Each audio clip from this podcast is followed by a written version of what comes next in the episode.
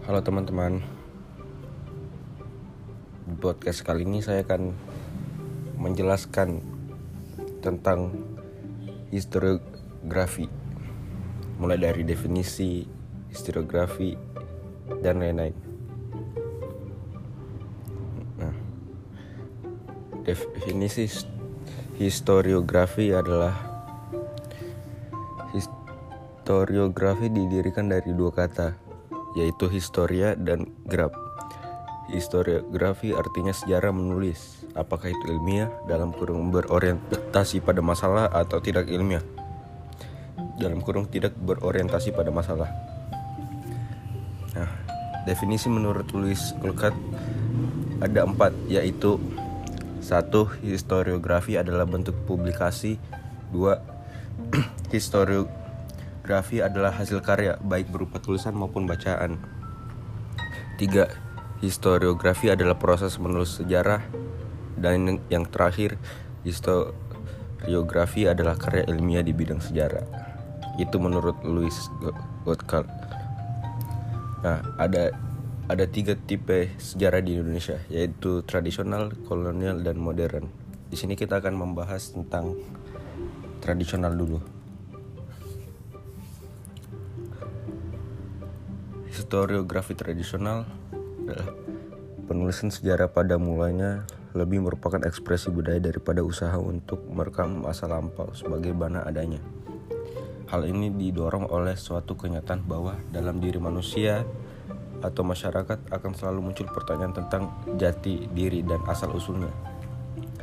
Di sini keberadaan sejarah bukan bertujuan untuk mendapatkan kebenaran dengan pembuktian melalui fakta-fakta, melainkan keyakinan akan pengabdiannya terhadap penguasa. Dalam historiografi tradisional terjalinlah dengan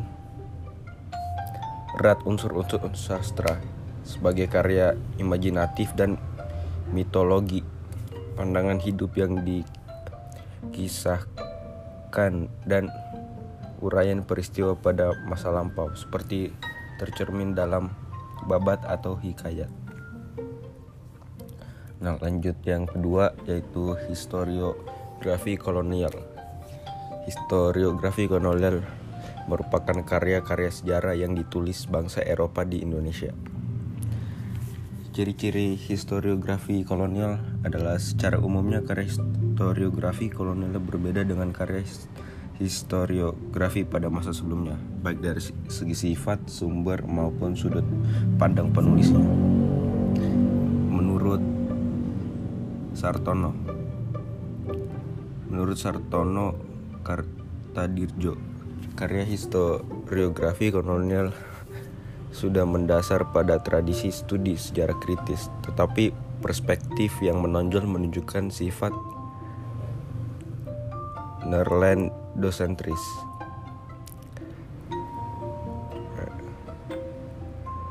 Ini ciri-ciri historiografi kolonial tradisi eh, kolonial sorry. Yang pertama Nerlando sentris dan Eropa sentris yang artinya kisah sejarah ditulis berdasarkan sudut pandang dan kepentingan orang-orang Belanda yaitu Eropa yang saat itu sedang menjajah.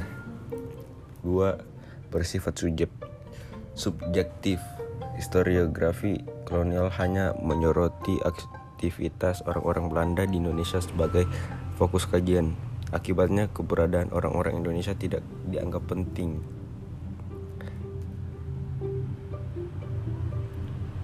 Yang ketiga mengandung mitos. Nah, karya historo, historiografi kolonial masih mengandung unsur mitos.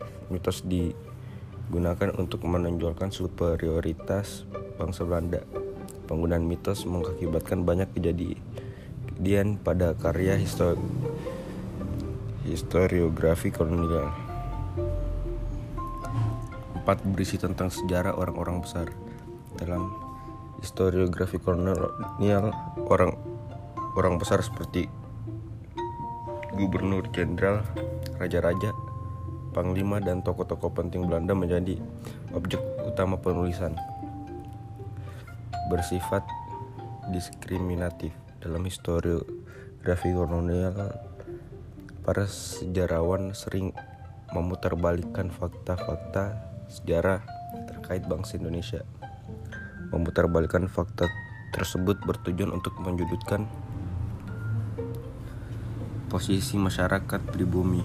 Selanjutnya pihak Belanda mengambil keuntungan psikologis, ekonomi, dan politis dari karya tersebut. 6. Mengabaikan sumber lokal dalam penulisan karya historiografinya sejarah.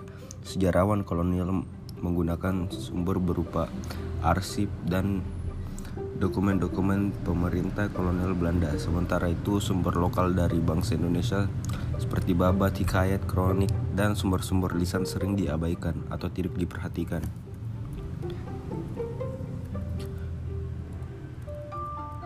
Perkembangan historiografi kolonial Tradisi penulisan sejarah kolonial Indonesia telah dimulai sejak bangsa-bangsa datang ke Indonesia. Pada awalnya, karya-karya historiografi kolonial mengisahkan perjalanan pelayar-pelayar Belanda. Selanjutnya, karya-karya historiografi kolonial mengisahkan tentang perkembangan VOC dan masa pemerintahan kolonial Belanda di Indonesia pada saat itu ketika Belanda digantikan oleh Inggris pada tahun 1811 penulisan historiografi kolonial dilanjutkan oleh pemerintah Inggris. Karya historiografi pada masa pendudukan Inggris Indonesia yang paling terkenal adalah The History of Java karya Thomas Stamford Raffles. Ya ada juga contoh historiografi kolonial. Yang pertama ada ada Outen Outen New Os Indi karya Francois Valentin eh Valentich. Susah ya. Mencari nah Karya ini menceritakan kisah perjalanan bangsa Belanda saat melakukan perjalanan ke dunia timur. Yang kedua, Indische Gesien Denis karya Jehan dan J. Ulje yang menceritakan tentang keadaan Indonesia di bawah kekuasaan pemerintah kolonial Belanda. Yang ketiga ada Netherlands in The Oz karya M titik W titik F Trup buku ini menceritakan pemerintahan kolonial Belanda di Indonesia terutama mengenai dampak kapitalisme yang diterapkan pemerintah kolonial Belanda di Indonesia. Nah, ada juga kekuatan dan kelemahan dari historiografi kolonial ini. Nah, kekuatannya berupa ditulis berdasarkan fakta. Sumber kolonial yang disimpan di Belanda sangat banyak. Sudah menggunakan teknologi penerbitan dan kelemahannya ada mengandung subjektivitas tinggi, kurangnya data kualitatif dan sumber lokal. Tiga sumber terbuka masih terbatas. Nah, sekarang kita bergeser ke historiografi modern.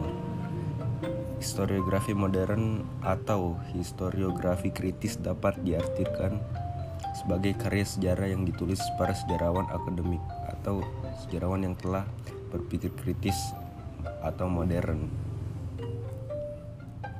Nah, ciri-ciri historiografi modern. Historiografi modern merupakan periode baru dalam perkembangan historiografi Indonesia. Historiografi modern ditulis oleh bangsa sendiri. Nah ini, nah ini ciri-cirinya bersifat Indonesia sentris, bersifat metodologis, bersifat kritis historis, menggunakan sumber lokal dan kolonial,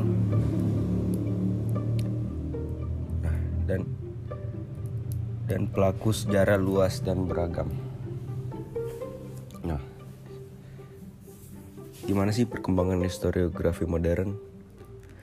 Penulisan sejarah modern oleh orang-orang Belanda Indonesia sudah mulai sejak masa pergerakan nasional.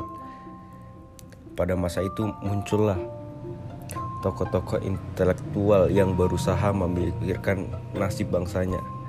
Pasca kemerdekaan pada tahun 1957, para sejarawan dan pengamat sejarah mengadakan Kongres Sejarah Nasional di Yogyakarta waktu itu. Kongres tersebut dilaksanakan untuk melalui keputusan Menteri Pendidikan Pengajaran dan Kebudayaan tanggal 13 Maret 1957. Topik yang dibicarakan dalam Kongres Sejarah Nasional sebagai berikut. Konsep filosofi sejarah nasional periode periodisasi sejarah Indonesia, syarat penulisan buku pelajaran sejarah nasional Indonesia, pengajaran sejarah nasional Indonesia di sekolah-sekolah, pendidikan sejarawan dan yang terakhir pendidikan dan pengajaran bahan-bahan sejarah. Nah, contoh dari historiografi modern yaitu pemberontakan petani Banten tahun 1888 karya Sarto Kar, Sa, karya Sartono Kartodirjo dua orang laut, bajak laut, raja laut, sejarah kawasan laut Sulawesi abad 111 kalau nggak salah.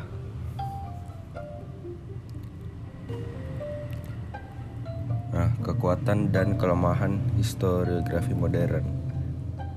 Kekuatannya ada mengubah pandangan religio magis dan kosmologis dalam historio tradisional menjadi pandangan bersifat ilmiah.